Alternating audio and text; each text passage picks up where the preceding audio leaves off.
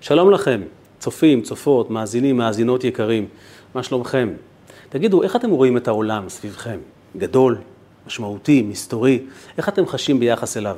קטנים, אולי לעיתים חסרי משמעות. זה עומד להשתנות. בראש השנה הקרוב זה עומד להשתנות. אפקט ראש השנה הוא כל כך חזק, שאחריו מתחילה שנה חדשה, כי אי אפשר להמשיך את השנה הקודמת. כל התפיסות משתנות. מה יש בו בראש השנה? הוא כל כך עוצמתי, שהוא משנה את כל התפיסה שלנו. היום נדבר על כך. וכדי להבין את זה, נתחיל במסע מופלא בחלל החיצון. ב-1968 נרשמה היסטוריה. קרה דבר שלא היה כמותו מאז בריאת העולם. שלושה אסטרונאוטים הצליחו להתנתק מכוח הכבידה של כדור הארץ. גם כשאתה עוזב את הכדור ואתה עולה לחלל, אתה עדיין נמשך אליו ונע סביבו. הם הצליחו להתנתק מכוח הכבידה של כדור הארץ ולצאת למסע בחלל, מאות אלפי קילומטרים כדי להקיף את הירח. היסטוריה. הם ראו משהו שאף אחד לפניהם לא ראה. אנחנו רואים כל לילה את הירח עולה, ביום את השמש זורחת, הם הראשונים שראו את כדור הארץ זורח. מהזווית שבה הם היו, בכיוון הירח, הם פתאום ראו את כדור הארץ עולה, כמו כוכב, מעבר לאופק, הם צילמו את המאורע הזה, והתמונה הזו, שנחשבת אחת ממאה התמונות המשפיעות בהיסטוריה, נקראת זריחת כדור הארץ. זה באמת מרשים מאוד. אבל מה יותר מעניין? שאותם אסטרונאוטים של אפולו 8, כשהם החלו את המסע ההיסטורי שלהם, והם שודרו בשידור חי לכל ארצות הברית, מה הם בחרו לומר? הם פתחו ואמרו בשידור, וזה מתועד, ואפשר למצוא את זה עד היום ברשת, יש את זה ביוטיוב. הם פתחו ואמרו, בראשית ברא אלוקים את השמיים ואת הארץ, והארץ הייתה תוהו ובוהו. הם הקריאו את עשרת הפסוקים הראשונים של ספר בראשית. הם תיארו את מה, ש... את מה שהתחולל בכ"ה באלול, יום בריאת העולם. ואני הרבה אמרתי לעצמי, למה הם עשו את זה? למה זה מה שהם קראו? ונכנסתי לראש שלהם והבנתי, אני חושב שהבנתי. כשאתה חי על פני כדור הארץ, העולם נראה לך כזה גדול, כזה משמעותי. באמת, זה דבר שלא נתפס. פתאום אתה יוצא ממנו החוצה, והוא כזה קטן. ואתה אומר לעצמך, זה כל הסיפור? שם אנשים מעבירים את כל החיים שלהם בתוך הדבר העגול והכחול הזה, כל כך קטן, אתה פתאום מרגיש שאתה רואה את העולם מהעיניים של הקדוש ברוך הוא, מלמעלה. והוא כזה קטן וחסר משמעות, מזה עושים עניין? אז הם פשוט הקריאו לכולם איך הדבר הזה נראה מעיניו של הקדוש ברוך הוא, בראשית ברא אלוקים, כולה בריאה של הקדוש ברוך הוא. מרשים מאוד ויפה מאוד, וגם נכון מאוד, אבל לא מספיק נכון. לראש השנה יש מסר הרבה יותר עמוק. ואותם אסטרונאוטים היו צריכים לדעת שאחרי בריאת העולם קרה משהו הרבה יותר דרמטי. העולם נברא בכ"ה באלול, יום ראשון. באותו שבוע ביום שישי, א' בתשרי, קרה משהו. גם נרשמה היסטוריה. לראשונה נחת על פני כדור הארץ בן אדם.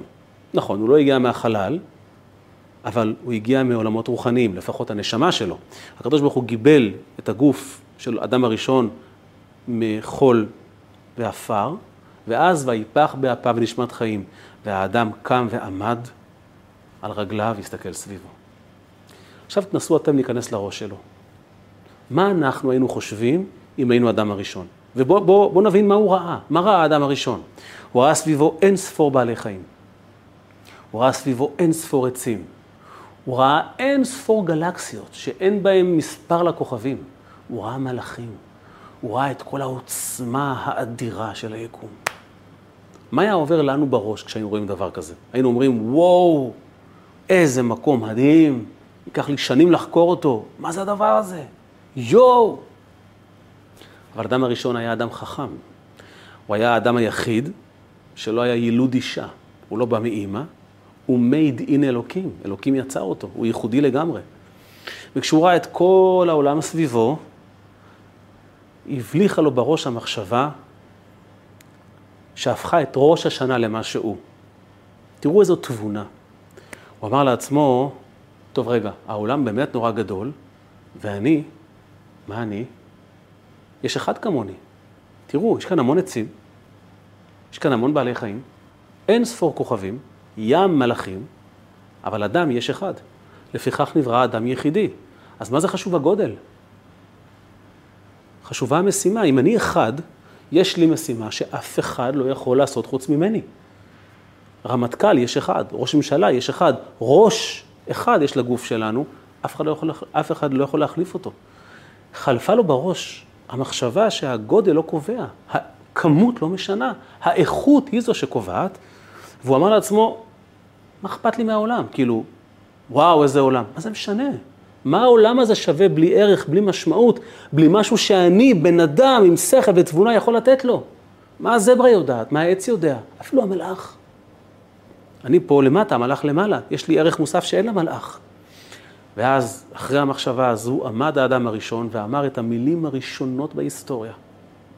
הוא עמד ואמר, בואו נשתחווה ונכרע, נברכה לפני השם אלוקינו, לכו נרננה להשם, נריע לצור אישנו, נקדמה פניו בתודה בזמירות נריע לו.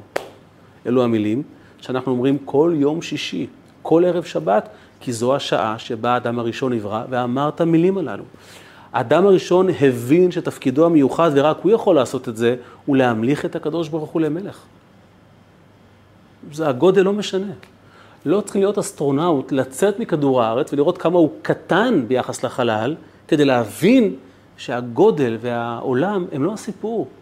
הסיפור הוא איך אתה רואה את העולם, איך את מבינה את המשמעות שלך. אם את מבינה שאין עוד אחת כמוך ביקום, אם אתה מבין שאין עוד אחד כמוך ביקום, רק אתה יכול להמליך את הקדוש ברוך הוא.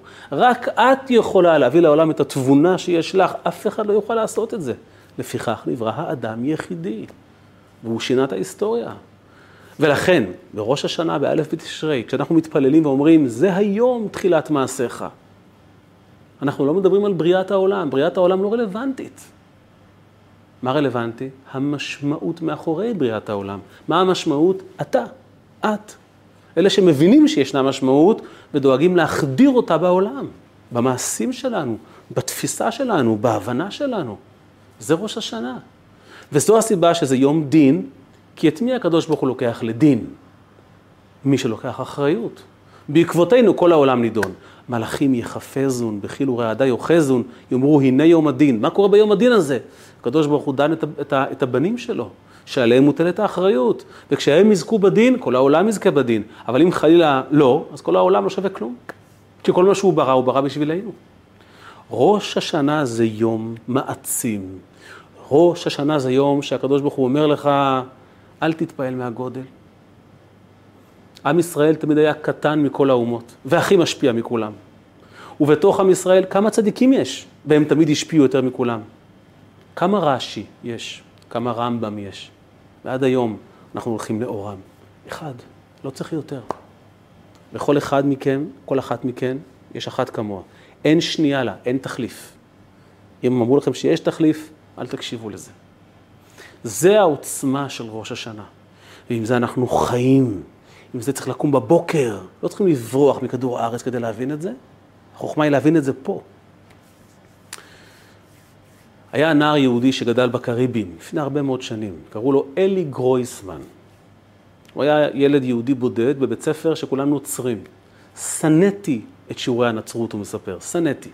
וכנראה המורים ראו את זה ולא ככה אהבו את זה.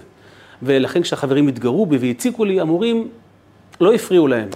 לאט לאט נוצר חיכוך, ולא יכולתי עוד לסבול להיות בבית הספר. ממש סבלתי מהדבר הזה.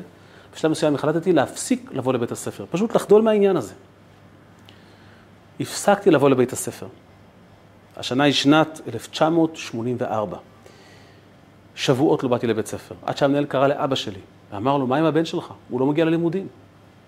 אבי קרא לי, ואחרי שיחה קצרה אמרתי לו את האמת. החל עימות בינינו, אמרתי לו, אני לא רוצה ללכת לשם, אני לא סובל את המקום הזה. אבא שלי לא ידע מה לעשות. הייתה שם מצוקה אמיתית. כעבור יומיים, אבא חלם בלילה חלום. הוא רואה את סבתא שלו, עליה השלום, שאומרת לו, בני, אם יש לך בעיה, תמיד תפנה לרבי מלובביץ'. הוא לא ידע מי זה הרבי מלובביץ', הוא לא שמע עליו עד אז. הוא התעורר, הוא היה נסער מאוד, הוא היה באמת במצוקה. הלך לבית הכנסת הקרוב למקום מגוריו, בית כנסת כזה נידח קצת, ביקש מהגבאי לפתוח את המקום בשבילו, ניגש לארון הקודש, הוא ביקש מהקדוש ברוך הוא עזרה. שישלח לו עזרה. מה שהוא לא ידע, שממש באותם ימים, הרבי ביקש מאחד מהאנשים הקרובים לו, יושב ראש המשרד של השלוחים העולמי, שמו הרב משה קוטלרסקי. הרבי ביקש ממנו באופן אישי, צא, טוס לקריבים. הוא לא ידע למה כמובן. הוא היה רגיל שהרבי מטיל עליו משימות עלומות כאלה. לא היה לו מושג מה הסיבה. הוא לא תאר לעצמו שכשיהודי זועק בקריבים, בצד השני של העולם, מישהו נענה לקריאה הזו. הוא חסיד נאמן, הרבי אמר, טוס לקריבים, הוא טס לקריבים. הוא לקח איתו עוד בחור שליווה אותו, הם טסו לקריבים. הם נחתו שם ועצרו נהג מונית ואמרו לו, קח אותנו לבית הכנסת. בדרך כלל נהגי המוניות היו לוקחים את התיירים לבית הכנסת המרכזי. הפעם, בקטע לא ברור, השגחה פרטית, הנהג לקח אותם לאיזה בית כנסת נידח, חור. הרב קוטלרסקי ירד מהמונית. עכשיו, הוא צריך להבין מה המשימה שהרבי הטיל עליו, אין לו מושג, אמרו לו פשוט סע לקריבים, זה מה שהרבי אמר לו, אז הוא הגיע לקריבים, ומה עכשיו? אז הוא ניגש לבית הכנסת, הוא עצר בן אדם שעבר ליד ואמר לו, סלח לי, אתה מכיר פה יהודים? אותו יהודי ראה אותו וכמעט נעצרה לו הנשימה. זה היה אבא של אלי גרויסמן. הוא מיד הבין שזה הקדוש ברוך הוא שלח לו. הוא אמר לו, מי, מי אתה, מאיפה באת? אמר לו הרב קוטלרסקי, הרבי מלובביץ' שלח אותי. הוא בכלל כמעט והתעלף שם. כן, הרבי שמע אותו. הם התרגשו נורא, והוא הביא את הרב קוטלרסקי הביתה. מספר אלי, דיברתי עם הרב קוטלרסקי, ואמרתי לו, אני לא הולך לבית ספר, כי כולם שם נגדי ומדברים. אמר לי הרב, יהודי אף פעם לא שותק. יורדים עליך, תחזיר מלחמה שערה. אמרתי לעצמי, וואי, זה רב מגניב, אני אוהב אותו. בסופו של דבר, הרב קוטלרסקי לקח אותי, ככה הוא מספר, לקמפ שהיה בקיץ, קמפ של חסידי חב"ד, ואחרי זה רשם אותי ללמוד בישיבה. ישיבה עם בגרויות, ישיבה יוניברסיטי קוראים לזה. כמובן שחייו השתנו. אבל הפנינה המיוחדת בסיפור, שאבא של אלי גרויסמן כתב מכתב לרבי. תודה רבה הוא כתב. אני ביקשתי והרבי נענה, מדהים. תודה רבה לך רבי, הוא כתב שהוא רוצה להודות על העזרה הגדולה, והוא חתם וכתב שהוא מודה על העזרה הגדולה שהרבי נתן ליהודי קטן מקורסאו, זה השם של האי, בתוך האיים הקריביים. הרבי עונה לו כך: ג' בניסן, תשמ"ד, מר חיים יוסף גרויסמן, שלום וברכה. שמחתי לקבל ברכותיך באמצעות ידידינו המשותפים הנכבדים. אולם, עליי לחלוק על הכינוי שכינית את עצמך יהודי קטן מקורסאו. הרי אין כל צורך להדגיש בפניך באריכות כי כל יהודי, איש או אישה, יש לו נפש אלוקית, המהווה חלק אלוקה ממעל, כפי שמוסבר בתניא, החל בפרק השני. לפיכך קובע הרבי, לא קיים דבר כזה יהודי קטן. וליהודי אסור אף פעם לזלזל בפוטנציאל העצום שלו או שלה. הוא בסך הכל כתב יהודי קטן. הרבי כתב, אסור לך להתבטא כך. מה זה יהודי קטן? העולם קטן. אתה סופר גודל, אתה סופר מטרים, אנחנו פה עוסקים בעוצמה, עוצמה של יהודי, שיכול לשנות את כל היקום, מצווה אחת שאתה עושה, הבנה אחת, זיכוי אחד, העולם משתנה לגמרי מקצה לקצה, אתה מכניס משמעות, אני לא מוכן שתגיד יהודי קטן, כותב לו הרבי. אסור לך לומר דבר כזה, אל תחשוב כך, ובטח אל תתבטא כך ואל תכתוב כך. זה ראש השנה. בראש השנה אתה מבין שהראש של כל השנה נמצא בך, אתה הראש. אנחנו בני ישראל, ממלכת כהנים וגוי קדוש, אנחנו הראש. כמו שבראש שלנו יש מעט מוח ביחס לגוף, יש לנו שתי ידיים, שתי רגליים, אבל מוח אחד, מוח קטן יחסית, כמה הוא תופס מהגוף, אבל בלעדיו אנחנו סתם אבן דוממת. עם ישראל הוא המוח, ושומרי המצוות הם עוד יותר מעטים. אז האחריות עוד יותר גדלה ועוד יותר משמעותית, ובחיים אסור לך לומר יהודי קטן. מגיע ראש השנה, יש לך שופר, צא לרחוב, תקע בשופר. תביא עוד יהודי, תאיר עוד נשמה. היה בוקר אחד שהבן שלי אמר לי, אבא, אני לא רוצה ללכת ללימודים. אני לא רוצה. אין לי כוח, לא בא לי. המורה מעצבן אותי והחברים יורדים עליי, לא רוצה. אמרתי לעצמי, מה אני אומר לו? אתה חייב, אבא מכריח אותך, אם לא תלך, לא תגדל. זה לא עובד היום, גם עונשים כבר לא מפחיד היום. אמרתי לו, נשמה, אתה חייב ללכת. למה הוא שאל אותי? אמרתי לו, כי כל העולם מחכה לזה. די, נו אבא. אמרתי לו, למה אתה אומר די, נו אבא? כתוב שכל העולם עומד על הבל פיהם של תינוקות של בית רבן. העולם תלוי בלימוד שלך. אתה לא יודע מה יקרה אם, אם לא תלמד. כולם מחכים. אפילו אמרתי לו, אם עכשיו משיח, משיח מגיע, ובית המקדש יורד משמיים, וכולם רצים לקבל את המשיח ולבנות המקדש שירד, אתם הילדים, אסור להפריע לכם, אמרתי לו, אסור לפי ההלכה. לא מציעים תינוקות של בית רבן, אפילו לבניין בית המקדש. אז כולם מחכים, כולם בבוקר קמו, כל הברואים, מלאכים, שרפים, בעלי חיים, עצים, יהודים, כדי שאתה תקרא כמה שורות מהחומש. כמה שתבין, תבין, אבל... מה, אתה רוצה לקחת לנו את זה? הוא הלך. הוא הלך והוא חזר שמח. כי כיף לדעת שצריכים אותך. ראש השנה הוא זמן שבו מעבר לדין, מעבר לחשבון שעושים איתנו, ואנחנו עושים חשבון הנפש והתשובה והסליחה, אנחנו צריכים להפנים את המילים האלה של הרבי. אסור ליהודי לחשוב שהוא קטן. לא צריכים להיות כמו אסטרונאוטים, לצאת מכדור הארץ, לראות שהעולם קטן כדי להבין שבאמת בלי האדם הוא חסר משמעות.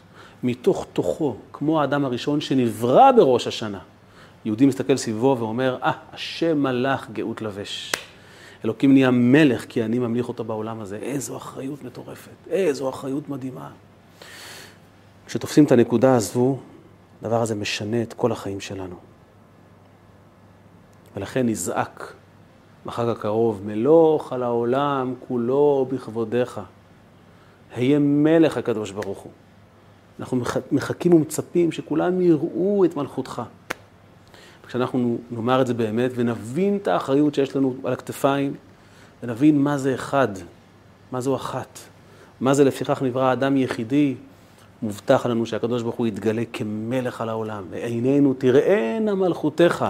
זאת תהיה שנה אחרת לגמרי, שנה מלאה בברכות, שנה של העצמה, שנה של גאולה, שנה שכל משאלות ליבכם וליבכן יהיו לטובה. אני באופן אישי רוצה לאחל לכל צופה ולכל צופה, לכל מאזין ולכל מאזינה, כל מי שמלווה אותי במשך השנה בשיעורים, כל מי שמגיב, כל מי שעושה לייק, כל מי שעושה מנוי, כל מי ששולח לי פידבק, כל מי שמגיב ברחוב. אתם ההוכחה. כל תגובה עושה כל כך טוב על הלב. כל אחד שעושה פעולה כל כך מחזקת, אחד, אחת, עולם מלא. אני רוצה להודות לכם ולבקש מהקדוש ברוך הוא לברך אתכם, שכמו שאתם משמחים אותי, ואני מנסה להשיב לכם בתמורה בשיעורים מעניינים, שהקדוש ברוך הוא ישלח גם לי וגם לכם ולכל משפחותינו ולכל אשר לנו שנה טובה ומתוקה.